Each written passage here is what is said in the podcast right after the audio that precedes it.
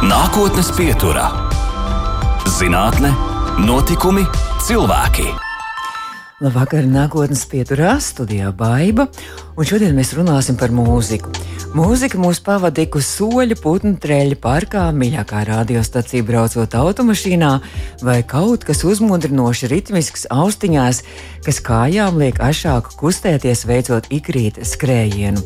Arī hokeja prieku vēl lielāku pavisam nesen darīja kopīga fānu dziesma un bungu ritms ledus arēnās, un, protams, pat bez komentāriem šīs vasaras tik ļoti gaidītais lielais notikums dziesmu svētki, kas līdz ar meža parka koku galotnēm iešūpos arī mūsu sirdis. Par mūzikas nozīmi ne tikai kā pozitīvu emociju avotu, bet arī kā līdzekli, kas veicina mūsu kognitīvās spējas un to attīstību, šoreiz runāsim arī nākotnes pieturā. Mūsu raidījuma viesis ir Latvijas Mūzikas akadēmijas profesors un akadēmiskā darba prorektors mākslas zinātņu doktors Valdis Benkovs, kurš savā zinātniskajā darbībā vairāk nekā desmit gadu garumā pievērsies cilvēka smadzeņu darbības, akustikas informācijas apstrādes, mūzikas apdāvinātības, neiropsiholoģisko aspektu izpētēji, kā arī skaņa augstumu un ritma struktūrām, dzirdes uzmanības treniņiem. Un tomēr gaidāmo dziesmu svētku kontekstā varam piebilst, ka savu muzikālo karjeru viņš sācis kā kordiģents. Labvakar, Valdi! Labvakar! nu, par to kordiģēšanu vēl joprojām eh, esat ar saistīts ar kādiem koriem šobrīd. Nu jau tā ļoti dziļi, bet uh, tas vien pierāda, ka nekad tu nezini, kādi tie ceļi izvirzīsies, kā tie, kādi līkloči būs. Es teiktu, ka bez kordirģēšanas nebūtu tas, kas ir šobrīd. Pētnieks, smadzeņu pētnieks, un, mm -hmm. un tas, nav, tas nav nākamais solis uzreiz aiz kordirģēšanas. Tas drīzāk ir um, priekšnoteikums bijis manā dzīvē, lai sāktu nodarboties ar skolotāju darbu, Un, Domu kurskolā. Ja? Gan domu kurskolā, gan arī dārziņu skolā, pasniedzot teorētiskos mācību priekšmetus, kas bija izaicinājums jebkuram, man liekas, mūziķim, kā tad kļūt par skolotāju. Un tālāk arī ir nemitīga vēlme izzināt to, kas tad notiek tajā bērnā, jaunietī. Nu, kāpēc? Bet, kāpēc pēc gadiem 11, 12 viņš pēkšņi kļūst par kaut ko ļoti īpašu, un kā tas viss mainās, jo ikdienā mēs jau to neredzam. Mm -hmm. Jūs ļoti precīzi arī sākumā pateicāt par dziesmu. Ikdienā, ja tā jāiedomājas, eh, ko, ko mums dziesma dod katru mīļu brīdi, varbūt mēs pat nenovērtējam tās mm. visas emocijas, bet skatoties kaut kādā laika posmā, mēs redzam, ka mēs bez tā nevaram izturēt. Bet jūs tur preparējat vairāk ne tikai emocijas, bet runājot par dziesmu svētkiem, ir biļets nopirkts, vai jūs eh, pats vēl kā dalībnieks arī būsiet? Lielais darbs nav ļāvis izstāvēt online rindu. bet, nu jā, un arī tagad arī vēl nesen bijāt arī, man liekas, Latvijas biļešu tirniecības laikā arī bijāt sakarā ar savām pētniecības arī darbībām devies arī kaut kur ārpus Latvijas, bet par to nedaudz vēlāk parunāsim. Bet ārpus Latvijas jūs arī pēc mūzikas akadēmijas, arī, kur jūs kurdiņģents beidzāt, jūs devāties studēt, un jūs arī studējāt arī visā, visā pilnīgi kaut ko mazliet atšķirīgu no, no diriģēšanas, no tās tiešās praktiskās darbības. Tas arī bija tas mans lielais jautājums, eh, kas notiek ar to jauno cilvēku un kas viņā mainās. Es gribēju izzināt. Eh, kā izveidojas spēcīga personība, sevišķi mūzikā. Un es atradu, ka um, tas viens no risinājumiem būtu mūzikas terapija. Un tajā laikā, tas bija 2004. gads, eh, bija tādi divi virzieni. Viens bija vairāk uz psiholoģiju vērsts, otrs bija uz, eh, uz medicīnu. Es izvēlējos Heidelbergu, kā tajā laikā centru, nu, un arī šobrīd Vācijā, vēl jā, Vācijā, Vācijā Heidelbergas Universitātes. Uh, um, muzikas terapiju. Un, Uh, arī liels izaicinājums, mm, lai vispār sāktu apvienot. Un tas bija pirmais tāds mirklis, ka um, mūziķa galvā uh, pēkšņi ienāca statistika, medicīna, bioloģija un neirozinātne uh, tajā laikā, un tas viss bija jāapvieno ļoti ātri, bet tam vācu valodā. Un, uh, tas pavēra pilnīgi jaunus apgāršņus, pilnīgi jaunus. Un, un es turpināju strādāt kā diriģents, Oh, bet, ne, kā, nē, nē, nē, kurs man nav bijis. Ah. Es esmu skolotājs, diriģēšanas skolotājs. Ah, dārziņos, mediņos, ne, dārziņos, domskolā. Domskolā, mm -hmm. jā. Mhm. Un ar pilnīgi citu izpratni, kā notiek, kas oh. notiek cilvēka ķermenī un galvā. Un es teiktu, ka tas arī radīja pārliecību, ka skolotājam ir jāzina, kas notiek ar motoru ar viņa paša motoru, sauksim to smadzenes, vai tas ir ķermenis, un arī ar viņa audzēkni. Mm. Tādējādi pamanot, ja ir nepieciešams kaut ko labot vai novērst. Mēs jau zinām, ka mūziķiem ir ļoti daudz slimības, tā saucamās profesionālās, iespējamās slimības. Un tās ir Tiešām, dažādas ja? traumas, tās ir uh, roku pārspēlēšanas, tās var būt ļoti daudz arī psiholoģiskas problēmas, ar kurām ir jātiek galā. Skolotājs Nu, tas ir pirmais cilvēks. Nu, psiholoģiski varētu būt uzstājoties arī nu, skatuvē, uz skatuves publikas priekšā. Tieši tāds, tā, jā, bet arī darba procesā, mm -hmm. kad atnāk jaunietis, kurš, kurš vēl savu ķermeni iepazīst, un pēkšņi viņam ir jāstiep rokas uz priekšu, viņam jākļūst par diriģentu. Tad jau sākumā visiem liekas, ka viņi visu prot. Vēlāk nāk tās psiholoģiskās problēmas, kad tad, tad saprot, ka tu neko neproti īstenībā. ir ļoti dažādi. Ir, ir tādi, kur, kurus gandrīz vai ir jāliek kaut kur kādā rāmī jo viņš visu tiešām prot, un ir tādi, kurus ir ir dažādos ceļos jāiedvesmo.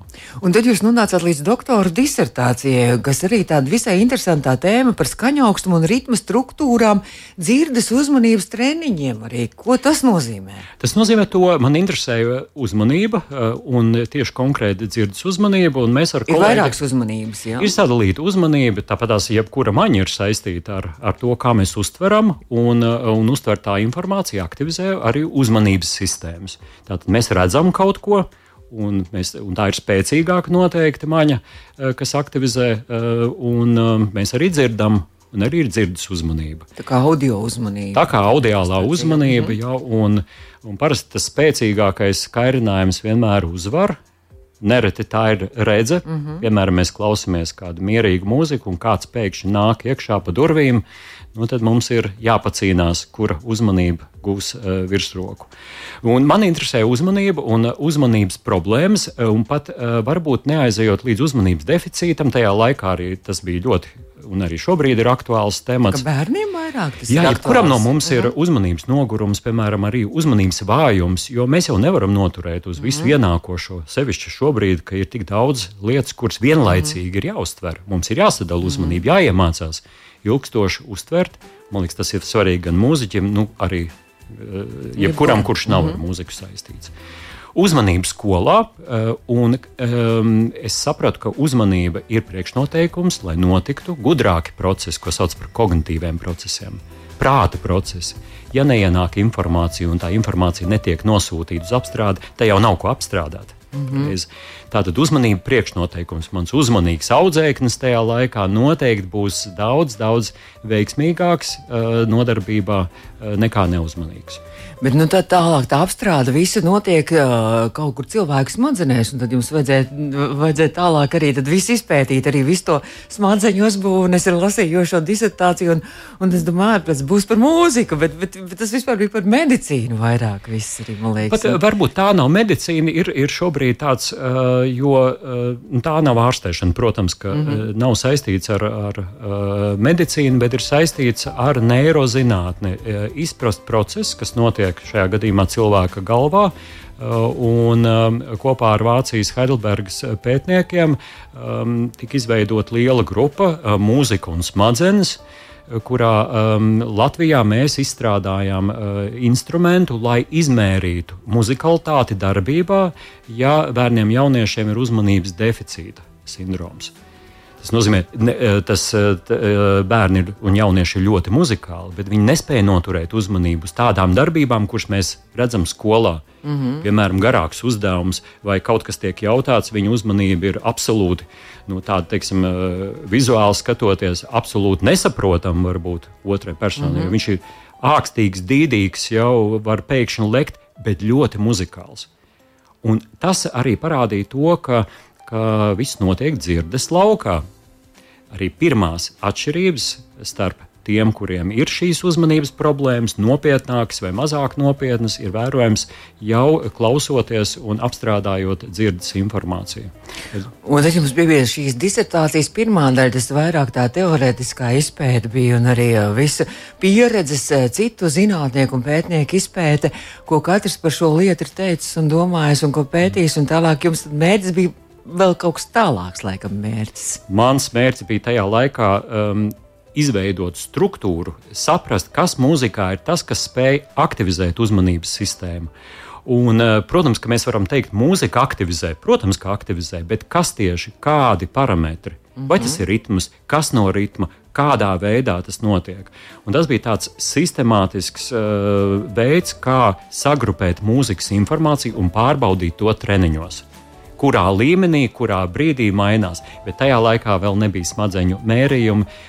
Es, es arī domāju, ka uh, šobrīd viss, kas notiek ar smadzeņu mērījumiem, notiek Vācijā. Un tam ir savs skaidrojums, jo iespējams, ka mūsu infrastruktūra šobrīd varbūt nav tik attīstīta kā Eh, kā tas ir eh, Heidelbergas Universitātē. Ko nozīmē smadzeņu mērījumi? Tad kaut kāda aparatūra ir, kas, kas mēra šīs smadzenes arī. Ja? Eh, tiek mērīts dažādos veidos, tiek skatīta, kāda ir smadzeņu viļņu aktivitāte, un Heidelbergā tika izmantot magnēta elektroencefalogrāfs, arī magnēta rezonanses tomogrāfija, lai skatītu, kādas ir smadzeņu struktūras un kas notiek tad, Eh, klausās dažādus intervālus, vai dažādas skaņu augstums, vai toņa augstums, dažādas ritmu skaņas, un paralēli vienlaicīgi skatās, piemēram, attēlu. Un kādā veidā neapzināti tiek apstrādāta šī mūzikas informācija. Un tur arī tika konstatēts, ka uh, tā lielākā atšķirība ir tā, ka starp smadzeņu puslodēm ir asinhronitāte. Tātad Un tā nosaka to, cik lielā. Tas nozīmē, ka ne vienādā apjomā un apmērā abās puslodēs tiek apstrādāta šī mm -hmm. informācija. Un vēl turklāt izrādās, ka laikam melodija, nu, teiksim, tā vienkāršot runājot, vairāk laikam labajā puslodē, vai, es tagad nepareizi? Jā, pateicu, ne, ir daudz lietas, par mm -hmm. kurām mēs varam šobrīd teikt, ka mēs tā kā nojaušam vai arī spējam mm -hmm. to mhm. konstatēt, bet melodijas, melodi, melodijas kontūras lielākoties labajā puslodē, bet melodijas analīze ir kreisajā puslodē. Mm -hmm. nu, tad tas ātrums, cik, eh, kā, kādā veidā tiek pārraidīts no vienas uz otru puslodi šī informācija un apstrādāt, arī norāda to, cik ātri mēs reaģēsim un kādā apjomā mēs reaģēsim. Bet es saprotu, ka vēl tur tā labā kreisā puslode, bet tad vēl ir smadzenītes un smadzeņu garozi, kur kaut kas nonāk vēl citi viļņi. Tur, tas ir viss tik, tik ārkārtīgi, tas ir neticami, ka, ka, ka, ka mūsu, mūsu galvā tā, tā mūzika, mēs klausāmies mūziku, vienkārši mūziku mēs klausāmies, bet tas viss tur, tur sadalās sadalās. Sadalās un, un arī ir kopumā, nu, tāpēc mēs, uh, mēs uh, ja pētnieki uh, uzskata, ka jebkurš cilvēks ir muzikāls. Tieši tāpēc, ka cilvēks smadzenes ir muzikāls, spēj reaģēt uz, uz vibrāciju, apstrādāt un pārvērst to dažādos veidos, kā mēs sakām, viens pieraksta, viens uh, dzied līdzi, viens dejo, viens kustās. Uh, un nav nemuzikālu cilvēku. Bet, protams, ir, eh, ja mēs skatāmies, teiksim, kā spēj uh, uztvert un dzīvot līdzi, tādi ir amuzikāli.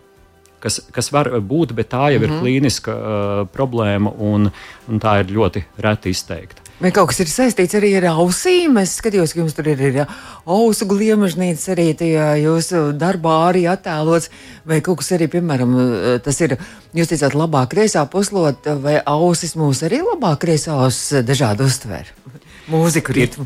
Dažādi, ja tā var vienkāršot teikt, ir dažādi ātrumi, bet šis ātrums, kādā tātad informācija ienāk pa abām ausīm, mēs dihotiski klausamies ar abām ausīm, informācija tiek sagaidīta eh, smadzeņu eh, dziļākajās struktūrās un eh, tālāk tiek pārraidīts uz apstrādes laukiem. Un mēs tieši pētījām deniņu daivu, jo tā ir saistīta. Tā, tā ir tā, kas vistuvāk ausī atrodas. Šeit kaut jā, kur, ja? jā. -hmm. un, uh, un tā ir tā pirmā um, lokācijas vieta, kur tiek apstrādāts ienākošais kairinājums. Un tur arī šīs atšķirības ir vērojamas. Tā tad ir pirmais lauks, tā saucamā hešla kroka, ko bieži sauc par mūziķa kroku, tāpēc tā ir tā eh, visspēcīgākā, ja visvairāk neironu, eh, neirālo sazarojumu ir tieši šajā laukā. Tad ir blakus esošie lauki, un tad jau informācija tiek apstrādāta uz gudrajiem laukiem, uz pieres daivu, kurā visa šī sintēze arī norisinās. Nu, tad jautājums, protams, būtu, eh, nu, eh, skaistums mūzikā tiek apstrādāts tur, kur mēs sintēzējam, bet tā pirmā informācija, ritms un toņa augstums, tā mm. tad atrodas nu, tajā vienkāršajā, ja pirmajā, pirmajā laukā, un tur vērojams ir atšķirības starp mums visiem. Arī mūsu pieredze veido šo atšķirību, un arī eh, šo atšķirību veido dažādas atkāpes no, nu, sauksim, normām. Mm -hmm. Tas ir varbūt arī, uh, arī atkāpe, varētu būt arī ģēnijs. Ne? jā, starp citu, jā, jo um, ģēnijam nu, sa, varbūt ka, um, cilvēki, kurš spēj ļoti ātri apstrādāt daudz un ātri, tad šī pārraide starp puslodēm ir izteiktāka. Mm -hmm. Varbūt ne tieši šajā dzirdes laukā uh, ir dažādas formas, dažādas struktūras mums, un, un tas norāda uz to, cik tie, uh, dziļi būs neirālie šie sazarojumi. Bet ne, noteikti ne gudrība. Ja, bet, mm -hmm. bet, piemēram, šīs atšķirības ir uh, cilvēkiem, kuriem ir disleksija. Tas ir saistīts ar dzirdes arī šo mm. informācijas apstrādi, uzmanības deficīts, ar hiperaktivitāti, bez hiperaktivitātes. Bet jūs pēc tam arī, jums bija mērķis tālāk arī izveidot šo treniņu programmu, arī acīm redzot, ja? Es uh, promocijas darba ietvaros izveidoju treniņu programmu, un uh, treniņu programma uh, tika uh, um, iekļauta um, uh, pirmsko, ne pirmskolā, bet uh, sākuma skolā, sākuma skolas klasē. Nu jau šie bērni ir izauguši, un, un man ir liels prieks sastapt jau kā students. Mm -hmm. un, uh, tālākais, tas, eh, protams, eh, bija saistīts ar metodisko materiālu. Tā jau ir tā kā, tā kā tāds atzars, lai praktiski varētu lietot. Un, un, un, un nu, tas nākamais pavērsiens bija, ka šī treniņa programma šobrīd ir izstrādes procesā, lai izveidotu interaktīvu mūzikas nodarbošanās veidu, kur darbotos bērns jaunietis ar uzmanības deficītu, aparatūra digitālā Mm -hmm. Digitālais rīks un skolotājs. Tātad interaktīva trīs vismaz trīs šo komponentu miedara. Es saprotu, ka jūs arī iedvesmojāt, arī šis bija, jūsu darbs bija bāze arī Latvijas Universitātes, arī datorikas fakultāte, kur arī tālāk jā, mēģināja. Tas, tas bija mans lielākais program, palīgs, Rudolfs Kreitsbergs, kurš izstrādāja šo programmatūru un uh, Un, un tas arī parāda to, ka viens pats mūziķis vai mūzikas neirozinātnieks nu, parasti nedarbojas. Viņš darbojas kopā ar citiem, ar dažādu jomu pārstāvjiem. Tāpēc arī mūsu grupā, Heidelbergas grupā, ir mediķi, ir biologi, ir neirozinātnieki, ir, ir skolotāji, kuri mm -hmm. kur to tālāk praktiski aiznes.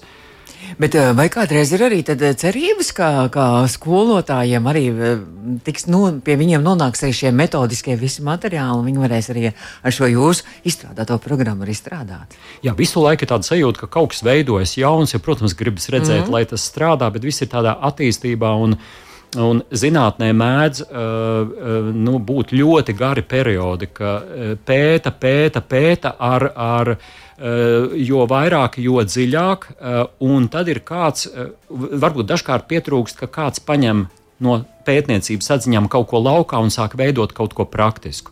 Nu, mēs, tas tagad ir noticis mm -hmm. pēc desmit gadiem, bet bez šiem desmit gadiem nebūtu iespējams saprast, kā tas funkcionē, kā tas darbojas. Tā kā es domāju, ka nu, ir ir pienācis brīdis, ka es ceru, ka mm -hmm. trīs gados, ja būs atbalsts, trīs, četros mm -hmm. gados eh, šī interaktīvā uh, spēle, jo jebkura mācīšanās ir spēle. Tai, tai būtu jābūt kā spēlē. Ka tā varētu būt arī labs atspējs, jo šie bērni grib mācīties mm -hmm. mūziku, bet viņi parasti pēc vienas, divām nodarbībām tiek palūgti aiziet, jo viņi taču traucē to procesu, kas, kuram vajadzētu notikt pilnīgi citos apstākļos, bet viņi ļoti, ļoti grib to mhm. darīt. Viņi ir ļoti muzikāli. Mēs turpināsim pēc brīža mūzikas akadēmijas profesors, akadēmiskā darba prorektors Valdis Benhovs šobrīd mūsu studijā. Nākotnes pieturā. Mēs turpinām nākotnes pieturu šo rādījumu. Varat pēc tam noklausīties arī mūsu mājaslapā, audio sētē un arī podkāstos lielākajās vietnēs. Mūzikas akadēmijas profesors, akadēmiskā darba prorektors Valdis Benkovs šobrīd ir mūsu studijā. Un Valdi, pirms mēs jau sarunājām šo rādījumu pirms kāda mēneša, un jūs teicāt, jūs dodaties, dodaties kādā, nu, var, es nezinu, kā to var noteikti pateikt, komandējumā, jūs um, braucat prezentēt vienu akadēmisko savu pētījumu mūzikas akadēmijas. Un jūs atbraucāt ar, ar, ar lieliskiem rezultātiem, kurus pat līdz galam nevar stāstīt. Laikam, ja? Tā mēdz notikt. Man ir lielākais prieks, ka šī ideja pieder manam doktorantam, jau doktora grādu pretendentam. Un sadarbībā ar viņu top kaut kas manā skatījumā grandios un uz nākotni. Un unikāls arī. arī. Jā, un ir saistīts ar smadzeņu viļņiem un varbūt tādu jaunu līmeni, kurā mēs varētu komunicēt viens ar otru, prāts ar prātu.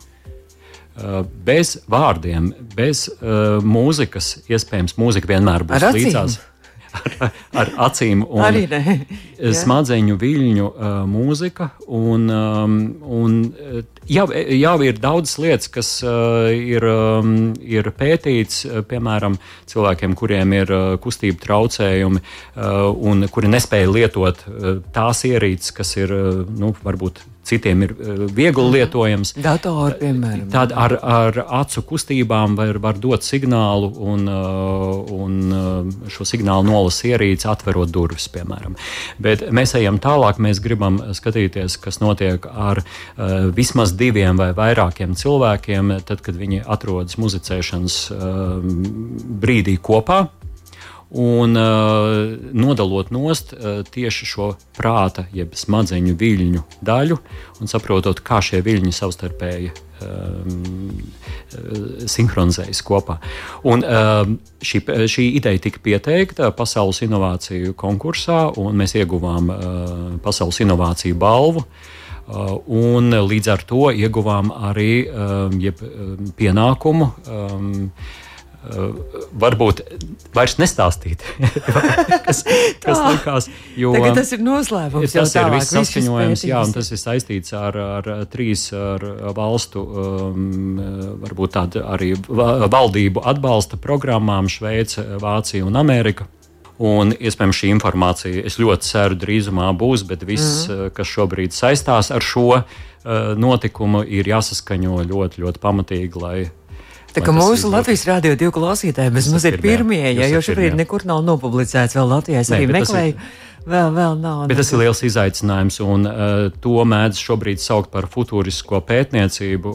Man ir liels prieks, ka um, to veiks uh, pieci uh, pētnieki. uh, Trīs no Latvijas un divi no Igaunijas. un Šī komanda šobrīd jau ir, ir nu, divu mēnešu laikā saliedēta. Un, Un, uh, mēs iegūstam jebkuru te tehnisko, un, un administratīvu un uh, arī finansiālu atbalstu Bet jums ir kaut kāda laboratorija arī? Tad jums jā, ir jā, jā, laboratorija, jā, mēs jau esam uh, pētījuši un izmantojot elektroencefalogrāfu nevis medicīniskiem mm. nolūkiem, bet kā mūzikas instrumentu.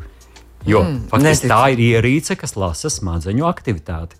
Un pārraida signālus, un mūsu laboratorijā ir tapusi arī uh, programmatūra, kas spēj šos signālus tālāk uh, konvertēt tā, kā mēs to vēlētos. Tas ir mūzikas akadēmijā? Tas ir? Latvijas Mūzikas mm. akadēmijā. Tas, tas ir tapis, un, uh, un uh, doktorants Džekins Pusons uh, rudenī, es ceru, aizstāvēs savu doktora darbu, kurā nu, tas pirmais etaps ir, ir arī atspoguļots. Vai to nevar izmantot arī vēlāk? Pēc tam arī tā iedomājos, uh, ļaunprātīgos nolūkos, arī pēc tam šo, šo, šī, šīs visas smadzeņu viļņu darbības un nolasīšana. Kas... Uh, Protams, jeb, jebkādi riski ir, un, uh, un tieši riski, nu, jebkurai ierīcei ir risks. Mm. Un arī pat nevajag ierīci, pat mācību metodē var būt risks, ka tā var nodarīt pāri, nevis palīdzēt. Ja? Uh, Es domāju, ka tas, tas ir ceļš, un kur te pēdējos, pēdējo dienu laikā arī ir izskanējis, ka mākslīgais intelekts var nodarīt mums ļaunumu. Nu, mēs jau varam baidīties no daudzām lietām, nepieņemt tehnoloģijas, bet tāpēc ir ētika un pētnieka ētika, un ir dažādi kontrols mehānismi, kuros nu, šos viļņus iespējams arī šīs darbības, kuras veiks pētnieki, ļoti, ļoti arī kontrolēs. Un, Bet no šīs smadzeņu viļņu pētniecība un arī viss šī sarunāšanās ar smadzeņu viļņiem, eh, kur tas varētu būt tā noderīgs praktiski? Vai tas ir tikai zināt, zinātnē, vai, vai, tas, vai cik daudz jūs varat stāstīt? Nē, protams, ka to var stāstīt, bet eh, kaut vai eh, ārpus mūzikas nereti mēs nonākam konflikta situācijā, pat negribēdam to izdarīt. Vai mūziķis kļūdās uz skatuves? Un viņam mm. šķiet, ka kļūda notika tajā brīdī, kad viņš kļūdījās. Kļūda nenotika tajā brīdī. Smadzenes sūta signālu. Tā ir aktivitāte smadzeņu darbībā. Iespējams, ka pirms konflikta vai pirms šīs kļūdīšanās ir iespēja to pamanīt un novērst. Mm. Tā ir komunikācija. Bet tad, tad, tad man jāņem uz skatuves, ja spēlēju kaut ko, lai es nekļūdītos.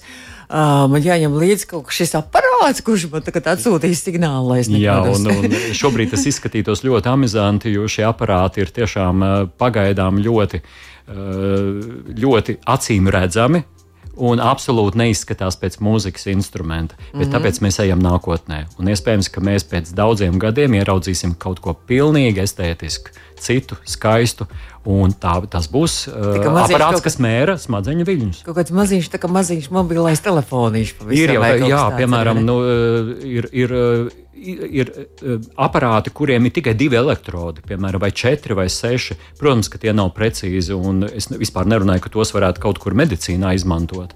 Tā kā ir mēģinājumi dažādi, ja, bet mūs interesē pēc iespējas plašāk pārklāt uh, smadzeņu uh, garozu vai vērot, kas notiek smadzeņu garozā, un tur šobrīd nav ierīces. Mm. Bet, nu, tomēr, ja mūsu klausās tagad bērni vai kas, kas saka, o, forši nevajadzēs gammas vairs mācīties, tomēr tas pirkstu treniņš jau arī pamatā ir, tā, tā, tomēr ir jābūt tam. Tas vēl, tikai pastiprinās, jā, vajadzību spēlēt jā, gammas. Jā. Ar, ar smadzenēm vienu gammu nenospēlēt. Es ļoti ceru, ka tas būs lielāks prieks uh, spēlēt gammas, vingrināties, jo uh, cilvēks uh, sapratīs, kas notiek tajā brīdī, kad viņš ar emocijām, ar šīm aktivitātēm, kad smadzenes apstrādā šo informāciju. Tas tikai pastiprinās. Profesors Valdis Bankovs šobrīd ir mūsu studijā. Nākotnes pieturā - zinātne, notikumi, cilvēki. Nākotnes pieturā jau tuvojas savam noslēgumam, bet mums jāizrunā vēl par vienu ļoti interesantu projektu, pētniecības projektu. Mūzikas akadēmijas profesors Valdis Benhovs šobrīd ir nākotnes pieturas viesis, un mēs jau tā aizkadrā sākām runāt. Vēl viens startautiskais projekts ir, uh, kas šobrīd ir aktuāls un arī tāds ilgtermiņa projekts, kur arī tieši Latvijas skolas arī ies, iesaistīts. Un tas ir sadarbībā jau arī ar, ar Vāciju un laikam ar Lielbritāniju. Arī. Ar Londonas Universitāti un ar Hanovers uh, mūzikas teātru mediju augst, uh, universitāti. Uh, ir um, beidzot arī Latvijā. Mēs esam adaptējuši testa instrumentus, lai vērotu muzikalitāti un muzikalitātes attīstību ilgtermiņā.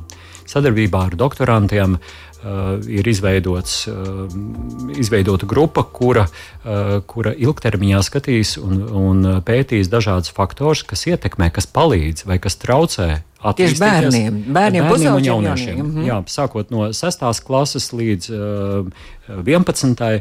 jo uh, šādos pētījumos nepieciešams, lai tas būtu atkārtots un lai tas būtu ilgtermiņš, jo muzikalitāti nevar novērot, attīstību nevar novērot uzreiz, šeit, tagad. Mēs varam kaut ko manīt, bet kas notiek? Ilgtermiņā to, to noteikti var tikai atkārtojot vairākas mm -hmm. reizes. Bet, jā, pētījumā tad jūs pētat nu, arī teiksim, ne tikai nu, tikai to, to, to reālo, praktisko muzikalitāti, bet jūs arī cēloņus arī meklējat. Ja laikam ar ģimenē tur, tur skatāties arī visus tos blakus faktorus. Noteikti tie ir ļoti, ļoti būtiski. Un gan tiem, kas ir izvēlējušies mūzikas skolu, vai mūzikas vidusskolu, gan tiem, kas nav izvēlējušies. Aha. Tur kāda uh, atšķirība ir. Ja?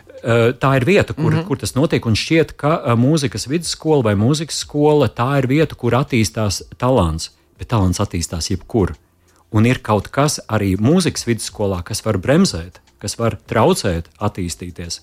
Tas, ka mm. nodarbības ir intensīvas mūzikā, nenozīmē, ka uh, tas ir viennozīmīgi uzreiz ir skaidrs, ka tas notiks ļoti sekmīgi. Un, uh, mūsu uh, mērķis ir novērot, kādi ir šie uh, faktori, kas var ietekmēt. Tie var būt sociāli, tie var būt ekonomiski, tie var būt psiholoģiski, tie ir arī muzikāli faktori. Tātad, jebkurā vietā, kur atrodas bērns, nu, teiksim, arī jaunietis, jebkurā vietā viņš saskars ar visu apkārtējo vidi, ar cilvēkiem, ar ģime, ģimenē viņš atrodas. Un mēs gribam vērot, kas tad ir tieši tas, kas palīdz attīstīties talantam, neatkarīgi no tā, kuru mācību iestādi jaunietis ir izvēlējies.